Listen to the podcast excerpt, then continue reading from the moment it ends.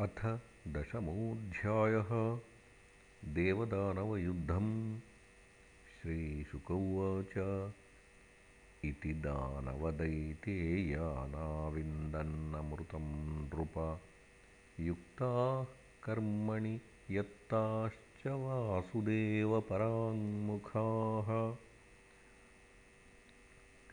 साधयित्वामृतं राजन् स्वकान् सुरान् पश्यतां सर्वभूतानां ययौ गरुडवाहनः सपत्नानां परामृद्धिं दृष्ट्वा ते दितिनन्दनाः।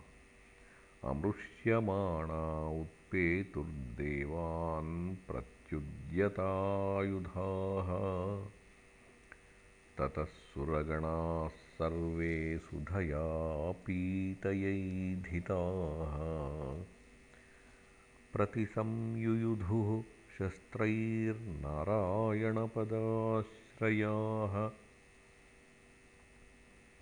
तत्र दैवासुरो नाम रणः परमदारुणः। रोधस्युदन्वतो राजंस्तुमुलो रोमहर्षणः तत्रान्योन्यं सपत्नास्ते संरब्धमनसो रणे समासाद्यासिभिर्बाणैर्निजघ्नुर्विविधायुधैः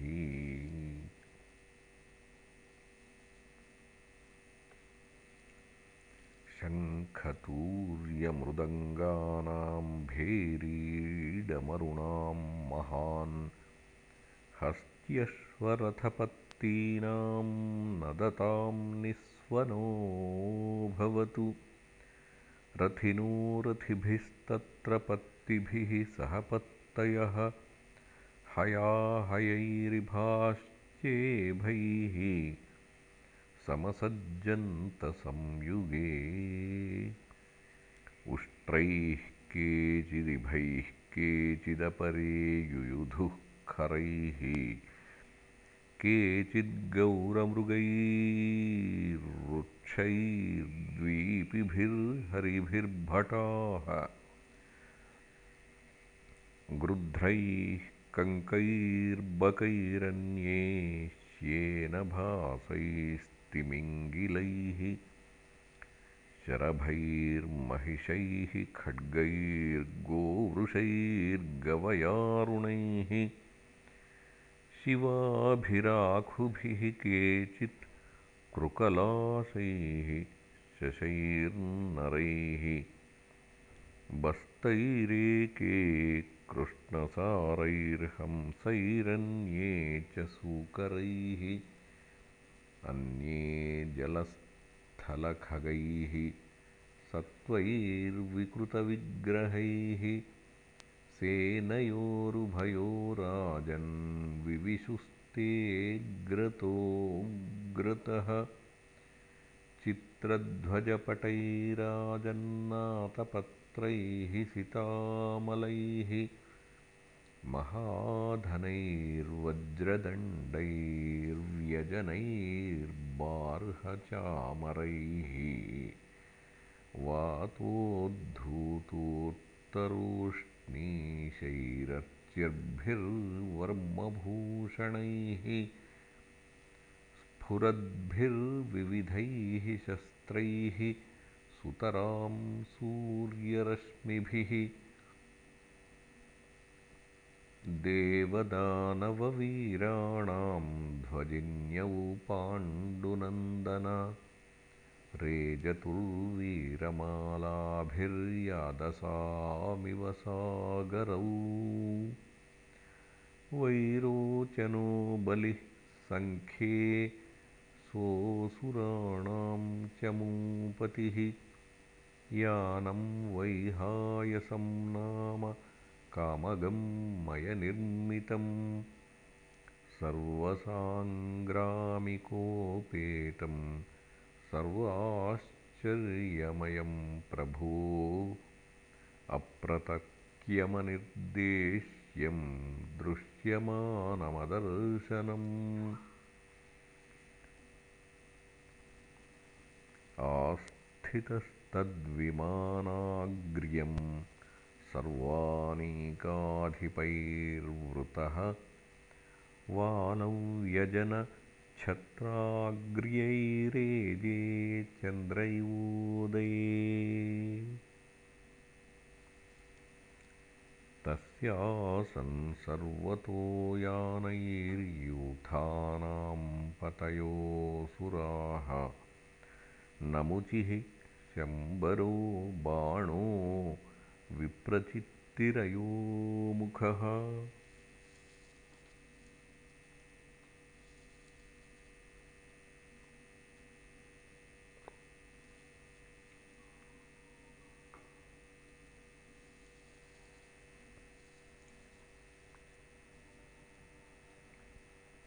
द्विमूर्धाकालनाभूथ प्रहेतिर्हेतिरिल्वलः शकुनिर्भूतसन्तापो वज्रदंष्ट्रो विरोचनः हयग्रीवः शङ्कुशिराः कपिलो मेघदुन्दुभिः तारकश्चक्रदृक्शुम्भो निशुम्भो जम्भौत्कलः।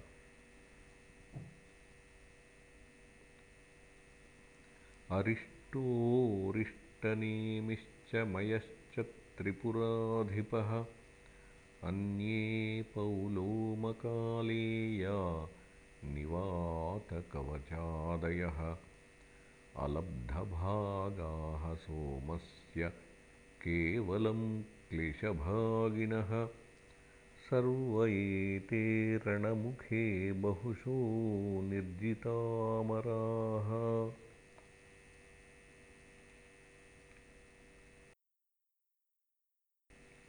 सिंहनादान् विमुञ्चन्तः शङ्खान् दध्मुर्महारवान् दृष्ट्वा सपत्नानुत्सिक्तान् बलभित्कुपितो भृशम् ऐरावतं दिक्करिणमारूढः शुशुभे स्वराट्। यथा स्रवत्प्रस्रवणमुदयाद्रिमहर्पतिः। तस्यासन् सर्वतो देवा नानावाहध्वजायुधाः लोकपालाः सह गणैर्वायुवग्निवरुणादयः तेऽन्योन्यमभिसंसृत्य क्षिपन्तो मर्मभिर्मिथः आह्वयन्तो विशन्तोऽग्रे युयुधुर्द्वन्द्वयोधिनः युयोधबलिरिन्द्रेण तारकेण गुहोऽस्यत। वरुणो हेतिनायुध्यन्मित्रो राजन्प्रहेतिना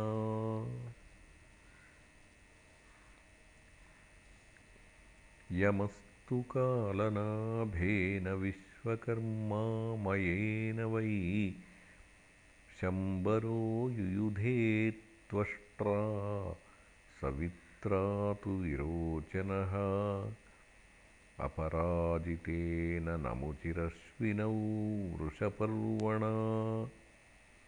सूर्यो बलिसुतैर्देवो बाणज्येष्ठ शतेन च। राहुणा च तथा सोमः पुलोम्नायुयुधेऽनिलः निशुम्भशुम्भयोर्देवी भद्रकाळी तरस्विनी। वृषाकपिस्तु जम्भेन महिषेण विभावसुः इल्वलः सह वातापिर्ब्रह्मपुत्रैररिन्दम। कामदेवेन दुर्मर्ष उत्कलो मातृभिः सह बृहस्पतिश्चोशनसा नरकेण शनैश्चरः मरुतो निवातकवचैः कालेयैर्वसवोमराः विश्वे देवास्तु मयि रुद्राः क्रोधवशैः सह त एव माजावसुराः सुरेन्द्राः द्वन्द्वेन संहत्य च युध्यमानाः। अन्योन्यमासाद्य निजघ्नुरोजसा। जिगीषवस्तीक्ष्णशरासितोमरैः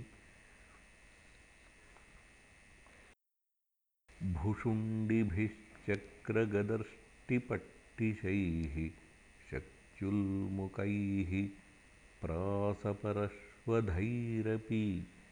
निस्त्रिंशभल्लैः परिघैः समुद्गरैः सभिण्डिवालैश्च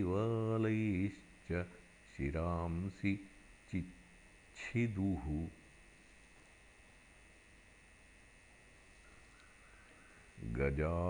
गजास्तुरङ्गाः सरथाः पदातयः सारोहवाः विविधा विखण्डिताः। निकृत्तबाहूरुशिरोधराङ्घ्रयः छिन्नध्वजेश्वासतनुत्रभूषणाः तेषां पदाघातरथाङ्गचूर्णिता तु आयोधनादुल्बण उत्थितस्तदा रेणुर्दिशः खं द्युमणिं च छादयन्। न्यवर्ततासृक्स्रुतिभिः परिप्लुता तु शिरोभिरुद्धूतकिरीटकुण्डलैः संरम्भदृग्भिः परिदष्टदच्छदैः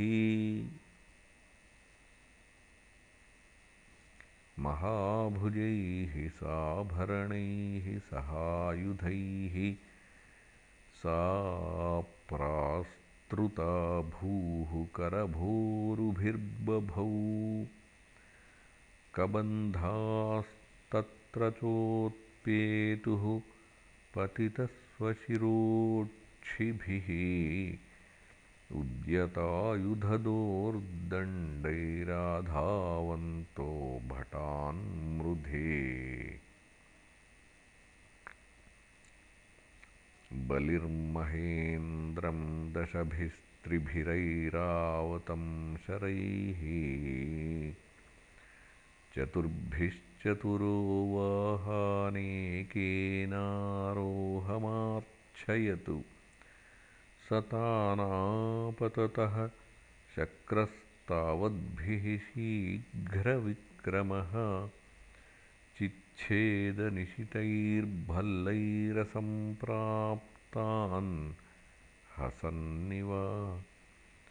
तस्य कर्मोत्तमं वीक्ष्य दुर्मर्शः शक्तिमाददे।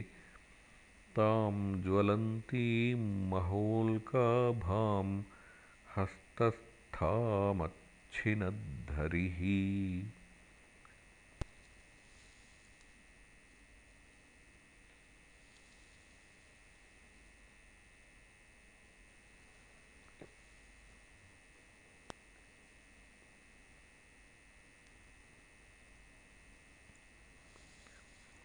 ततः शूलं ततः प्रासं ततस्तोमरमृष्टयः यद्यच्छस्त्रं समादद्यात्सर्वं तत् अच्छिनद्विभुः। ससर्जाथासुरीं मायामन्तर्धानगतोऽसुरः। ततः प्रादुरभूच्छैलः सुरानीकोपरि प्रभो ततो निपेतुस्तरवो दह्यमानादवाग्निना शिलाः सटङ्कशिखराश्चूर्णयन्त्योद्विशद्बलम् महोरगाः समुत्पेतुर्दन्तशूकाः सवृश्चिकाः सिंहव्याघ्रवराहाश्च मर्दयन्तो महागजाः।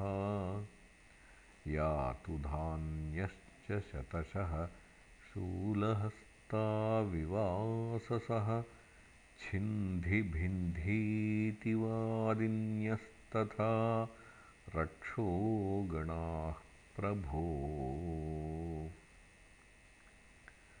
ततो महाघना व्योम्नि गम्भीरपरुषस्वनाः।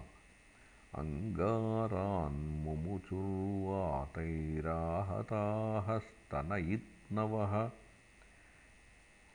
सृष्टो दैत्येन सुमहान् वह्निः श्वसनसारथिः सांवर्तक इवात्युग्रो विबुधध्वजिनीमधाक्।